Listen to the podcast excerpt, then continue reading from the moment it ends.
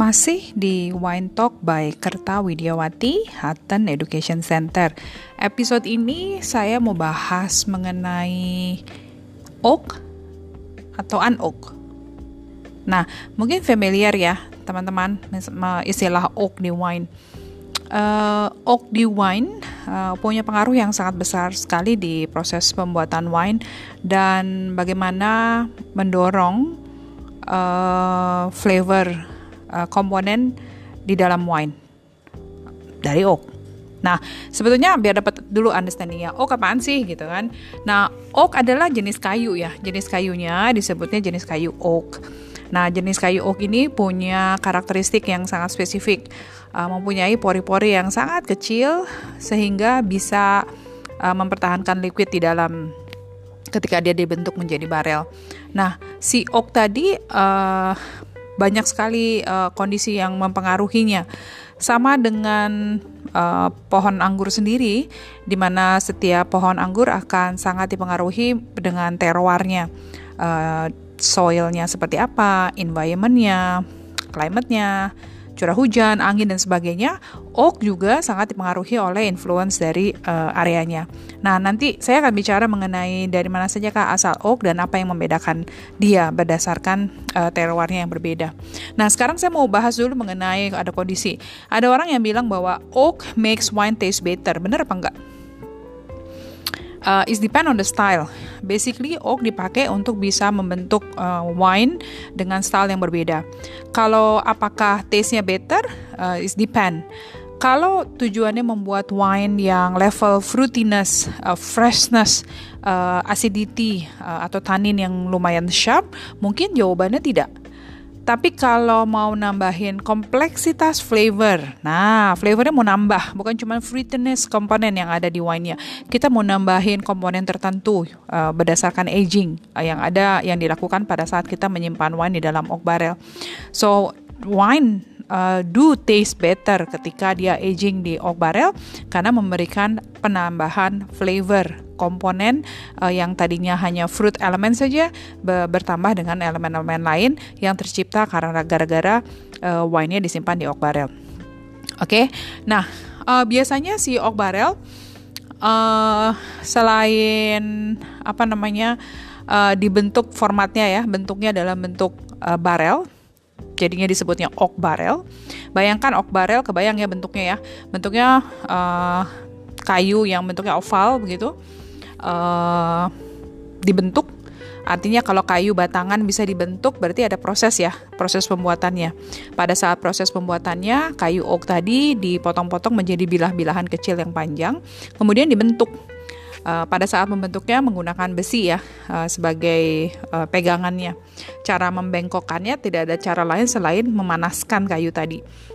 Makanya begitu kita menggunakan oak barrel, kadang kadang-kadang elemen flavor yang muncul dari penggunaan oak barrel adalah toasty misalnya karena tadi kayunya dibakar, karamel levelnya lagi ya, level level dari uh, proses pembakaran kayu dan sebagainya. Itu datang dari uh, proses pembuatan uh, kayu oak uh, yang dibentuk menjadi barrel. Tapi dalam proses pembuatan wine-nya, secara general bukan cuma oak barrel saja yang uh, yang available gitu ya di proses pembuatan. Si kayu tadi, kayu yang bentuknya uh, pipih dan panjang tanpa dibentuk menjadi oak barrel, tidak dibentuk barel atau dilengkungkan bisa juga uh, apa namanya tetap digunakan di proses pembuatan. Nah, cuman nanti namanya yang berbeda. Kalau cuman kayu yang panjang itu jadi salah satu uh, alternatif uh, dari uh, dari kayu alternatif dari proses pembuatan gitu ya. Logikanya masih sama-sama pakai oak barrel, pakai oak kayu oak. Bentuknya yang berbeda. Of course, dari sisi uh, price point of view gitu ya. Karena kalau kayunya uh, cuman oak plank saja, batang kayu saja, artinya tidak ada uh, perlu biaya untuk membuat si oak barrel Uh, jadi biaya produksinya lebih rendah, artinya harganya lebih rendah. Tapi apakah memberikan flavor komponen yang sama? Uh, logikanya tetap yang namanya oak barrel ketika dipakai memberikan tambahan flavor. Jadi sekarang tergantung approach-nya seperti apa. Saya selalu bilang kalau analoginya si oak barrel atau penggunaan kayu oak itu sama kayak analoginya kita bikin teh pakai teh celup ya. Mau lama, mau pekat, mau light atau mau sebentar. Logikanya begitu. Mau pakai tea bag yang baru atau tea bag yang udah ber, dipakai berkali-kali gitu ya uh, otomatis uh, apa namanya flavor komponen yang ada di tea bagnya akan berkurang sama persis seperti oak barrel kita mau pakai oak barrel yang uh, uh, yang baru atau yang sudah beberapa kali pakai pastinya flavor komponennya akan berubah. Bagaimana influence terhadap flavor wine-nya.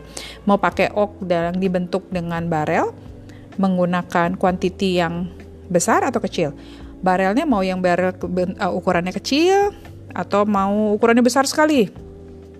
Balik lagi, semakin kecil berarti semakin kuat uh, flavor komponen yang akan mempengaruhi terhadap wine-nya. Mau oaknya dibentuk barel atau cuman pakai plang aja gitu ya, cuman kayu batangan saja, uh, pastinya mempunyai influence yang berbeda. Nah, kayu tadi, kalau barel plang tadi yang kayu itu biasanya hanya dicelupkan saja di dalam stainless steel tank. Uh, jadi formal form, formasinya berbeda dengan oak barrel tadi ya, hanya dimasukkan. Tapi mau cari alternatif lebih murah lagi, iya bisa. Oak chip, potongan kayunya kayu oak yang potongan-potongan kecil. Nah, itu bisa juga dipakai sebagai oak alternatif. Masih memberikan flavor oak? Masih. Intensitasnya setinggi oak barrel? Belum tentu gitu ya. Apalagi penggunaannya biasanya hanya digunakan di standard steel saja. Masih yang mau, mau mula, lebih murah lagi bukan oak uh, apa namanya?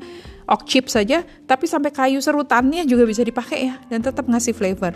Ketika tadi uh, bentuk oak barrelnya lebih kecil, kayu-kayunya tadi serpihan-serpihan kecil, biasanya uh, formasinya sama kayak tea bag lah, dimasukkan ke dalam pep, apa namanya uh, kontainer kain gitu yang dicelupkan untuk bisa nambahin flavornya. Kenapa orang sampai susah-susah bikin? Karena balik lagi oak do make wines better, menambah flavor komponen yang tidak ada di dalam buah anggur tapi bisa dihasilkan oleh si uh, oak barrel tadi. Nah, uh, oak barrel, saya mau kasih tahu oak barrel dulu. Yang paling famous teman-teman oak barrel tentu, saja dari Prancis ya. Uh, French oak barrel, pernah dengar ya? French oak barrel. Uh, banyak sekali digunakan terutama di di Prancis uh, bahkan sampai yang Hmm, mereka punya punya grade yang berbeda-beda ya. Jadi berdasarkan kualitas kualitas kayunya. Ada yang uh, coarse grain, medium, fine sampai super fine. Nah, itu tergantung. Biasanya semakin dia fine, super fine itu semakin mahal harganya. Kalau mau ngambil rata-rata uh, biasanya French oak barrel tuh estimate aja ya costnya tuh sekitar 850 sampai 3.600 uh, dolar uh, tergantung dari kualitinya. Uh, kemudian apa yang biasanya diberikan sama French oak barrel uh, karena temperaturnya lebih dingin uh, biasanya flavor komponen yang diberikannya lebih ke earthy leather gitu ya lebih ke soft soft uh, softer uh, oak flavor komponennya dibandingkan dengan dari uh, tempat yang lain. Nanti saya cerita sedikit functionnya seperti apa, tapi saya mau bahas dulu asal-asalnya dari mana aja sih French oak barrel yang terkenal. Nah setelah itu, setelah French oak barrel, biasanya yang kedua di, di ranking kedua lah gitu ya, Hungaria uh, atau Eastern Europe oak. Uh, terutama ya Hungaria area di, di uh, Hungaria dan Eastern oak. Uh, dia juga pakai kayu oak ya, yang biasanya kalau kayu oak di daerah sana hampir mirip-mirip sama French oak barrel uh, influence terhadap wine-nya. Yang membedakan adalah uh, harganya lebih murah gitu ya harganya lebih murah. Uh, kebanyakan uh, memberikan flavor komponennya lebih ke masih ke earthy tapi ada tambahan nati biasanya. Ada nati uh, flavor di finishnya untuk proses pembuatan. Ini nanti akan nambahin nati karakter. Ketika flavor uh, nati karakternya lebih kuat lagi bisa jadi datangnya dari Hungarian uh, oak barrel. Kalau dari harga hmm, kira-kira sekitar 560 sampai 700 uh, sedikit lebih murah dibandingkan dengan French oak barrel Uh, untuk itu uh, level pori-porinya biasanya dikategorikan medium sama fine aja. Nggak ada yang super fine kalau yang di Hungarian uh, oak barrel gitu ya. Itu yang di Hungaria. Nah yang terakhir yang paling banyak juga terkenal adalah American oak. Nah kalau American oak logikanya American lebih sedikit lebih panas dibandingkan dengan uh, sedikit lebih panas dibandingkan dengan yang di uh, yang di uh, French oak atau yang di Hungarian Uh, biasanya yang diberikan flavor komponennya uh, terutama adalah coconut, uh, vanilla gitu ya. Itu salah satu flavor komponen yang banyak muncul ketika penggunaan uh, oak barrel terutama dari American oak barrel. Di Amerika juga banyak sekali oak barrel bukan cuma dipakai di proses pembuatan wine tapi juga di proses pembuatan uh, spirit ya. Whiskey gitu ya itu banyak banget whiskey bourbon uh, itu banyak sekali dipakai uh, terutama dengan penggunaan barel sebagai uh, long aging uh, proses pada saat proses pembuatannya. Nah, ketika kita mencicipi wine, kita bisa mendeteksi flavor-flavor yang datang dari oak barrel. Uh, si oak barrel fungsinya bukan cuma aging wine tapi juga bisa dilakukan fermentasi. Jadi fungsinya bisa melakukan fermentasi di dalam oak barrel tapi bisa juga dipakai hanya untuk aging gitu ya. Jadi ada dua step yang bisa dilakukan. Tergantung balik lagi style dari si winemaker. Dia mau bikinnya apa nih? Mau difermentasikan di oak barrel atau hanya mau agingnya aja di di dalam oak barrel. Nah, uh, flavor komponen yang paling uh, besar sebetulnya uh, elemen yang ada di dalam oak barrel membantu mereduce atau mensoftener, memperlembut rasa tanin yang ada di wine. Makanya kebanyakan oak barrel dipakai terutama untuk uh, di uh, aging red wine, terutama red wine yang punya karakteristik uh, deep in color, high tannin, full body gitu ya. Itu biasanya. Karena balik lagi uh, kalau seandainya wine-nya terlalu light, apa yang terjadi bisa jadi oak-nya overpower fruit karakteristiknya. Itu yang kita mau hindarin. Si winemaker pasti nggak mau rasa wine-nya cuma rasa oak elemen aja, fruitinya hilang. Karena dua-duanya harus dapat balance. Makanya kebanyakan dipakai untuk di red wine yang memiliki uh, full body dan high in tannin untuk bisa membantu softener karena salah satu fungsi dari si oak barrel juga merendahkan rasa uh, tanin yang ada di, di di wine yang datang dari uh, buahnya sendiri, gitu ya. Nah, selain itu apa juga yang diberikan sama oak barrel? Bukan cuma softener the tannin, they're giving more creamy, uh, butter, uh, karakter to the wine. Uh, kemudian spice gitu ya, uh, vanilla, uh, uh, kemudian apa lagi? Hmm, cinnamon, clove, uh, baking spice gitu itu datangnya juga salah satunya karena pengaruh dari uh, apa namanya hmm, pertemuan antara uh, wine dengan uh, barrel pada saat aging gitu ya. Itu itu salah satu flavor komponen yang bisa keluar. Nah nanti pada saat mendeteksi bisa tuh. Kalau kuat sekali rasa vanilla dan terutama ada coconut gitu ya, ada toasty karakternya. Ini pasti kira-kira French uh, bukan French oak barrel yang dipakai tapi American barrel gitu ya. Uh, jadi berdasarkan kriteria tadi masing masing-masing barrel dari berbagai daerah uh, memberikan uh, flavor komponen yang sangat uh, apa namanya identik gitu ya uh, mempermudah kita untuk bisa nebak nih kira-kira uh, barrel apa yang digunakan di proses pembuatan wine yang kita cicipin menarik ya ternyata bisa loh uh, mendeteksi uh, berdasarkan flavor komponennya. Sampai sini dulu, oke? Okay? Oke okay ya. Nah, si apa aja sih yang dilakukan sama oak tadi? Uh, ketika dia aging lama, dia develop uh, tertiary aroma di wine.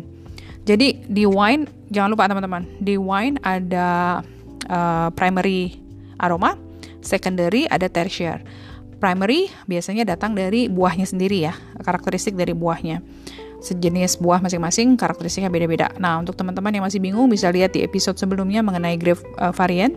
Uh, di sana menjelaskan tentang uh, beberapa grape variety karakteristiknya. Jadi kebayang lah biar lebih mudah. Yang secondary biasanya berdasarkan uh, datang dari proses pembuatannya.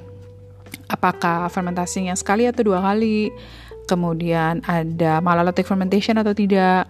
Uh, fermentasinya di mana nih di standard standard steel tank atau di oak barrel. Nah ya influence influence tadi bisa mempengaruhi. Tertiary biasanya ter terjadi aromanya ketika di agingnya lebih lama. Jadi misalnya setelah fermentasi, selesai fermentasi kita battle aging.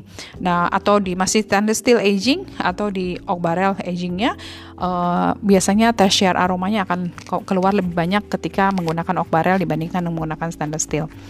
Ke situ ya uh, balik lagi giving aroma dan flavor uh, uh, concentrate flavor dan aroma komponnya, ekstrak tanin dan flavor itu hal-hal yang diberikan uh, sama si oak barrel. Dan oak barrel bisa dipakai berulang-ulang ya teman-teman ya. Walaupun di proses pembuatannya dipakai setelah selesai batchnya dibersihkan. Jadi ada alat yang masuk ke dalamnya uh, apa namanya? Karena barrel lubangnya cuma satu. Oke, okay? keluar masuknya wine itu dari satu lubang aja dan itu yang benar-benar mempengaruhi cara operasionalnya adalah menggunakan pompa. Jadi dimasukin lah kayak selang gitu, uh, pipanya, ada nozzle-nya, dimasukkan wine-nya. Pada saat membersihkan ada brush-nya, jadi bentuknya seperti batang gitu ya, seperti batangan masuk ke dalam terus dia menggosok dindingnya karena harus dibersihkan dulu ya. Kalau enggak komponen dari wine yang sebelumnya disimpan akan tetap menempel di dalam uh, oak barrelnya. Jadi banyak treatment yang dilakukan. Ketika sampai treatment, oak barrel bisa dipakai sampai dengan 100 tahun loh uh, dengan kondisi balik lagi ya uh, semakin lama dipakai semakin sering gitu digunakan ya pasti flavor influence-nya akan semakin uh, berkurang. Tergantung sekarang kita mau mau bikinnya seperti apa gitu ya. Nah itu cerita tentang oak barrel. Uh, apa saja uh, dari mana saja kak oak barrel yang terkenal? Kemudian bagaimana cara buatnya uh, apa sajakah fungsi-fungsi dari oak barrel, jenis-jenis oak barrelnya ya. Jadi uh, alternatif oak barrel apa saja. Eh jangan lupa teman-teman, kalau cuman bener-bener biar ada rasa oak-oaknya doang, ada rasa kayu-kayunya dikit, bisa jadi juga uh, it, it was exist uh, oak uh, apa namanya essence. Mati nggak loh? Cuman pakai oak essence saja, cuman nambahin flavor. Tapi balik lagi ya, teman-teman kebayang artinya. Semakin uh, proper menggunakan uh, apa namanya? equipmentnya semakin lama agingnya semakin lama semakin semakin detail apa yang di, dibuat gitu uh, akan meningkatkan kualitasnya bayangkan kualitas wine ketika dia di aging di oak barrel menggunakan barrel uh, stave aja kayu saja uh, kayu menggunakan oak chip menggunakan uh, oak essence. Mungkin empat-empatnya bisa memberikan, pastinya memberikan rasa flavor komponen, intensitasnya pasti berbeda, uh, kualitasnya pun pasti berbeda, flavor elemen yang terbentuknya pun pasti berbeda. Itu yang nanti akan membedakan kualitas dari wine-nya setelah selesai di aging. Sampai sini mudah-mudahan cukup jelas ya. Saya bicara mengenai oak atau unoak decisionnya ada di producer balik lagi tergantung dari stylenya uh, kalau bahasanya adalah setiap wine yang di aging dengan oak barrel pasti kualitasnya lebih baik belum tentu ya teman-teman balik lagi ke target awalnya, tujuan awal dari proses pembuatan wine-nya. Mau bikin apa nih? Mau bikin very fresh, refreshing wine with a lot of fruitiness, mau mempertahankan hasil dari flavor yang ada dalam buahnya. Uh, oak barrel bukan bukan bukan menjadi uh, alternatif yang baik untuk uh, menciptakan wine dengan style seperti itu. Sementara kalau mau wine yang kompleksitasnya lebih tinggi, uh, tambahan flavornya lebih banyak, uh, softener the tannin, memperbanyak kompon flavor misalnya, uh, pastinya oak barrel menjadi pilihan. Oke, okay? mudah-mudahan nggak jadi bingung uh, informasi mengenai uh, oak barrel di proses pembuatan wine. So, oak atau unoak kembali lagi is your preference suka wine yang pakai oak atau suka yang uh, suka wine yang nggak pakai oak It's up to you. Oke, okay? sampai di episode berikutnya tetap ikuti podcast by Kertawi Diawati Hatan Education Center. Bye.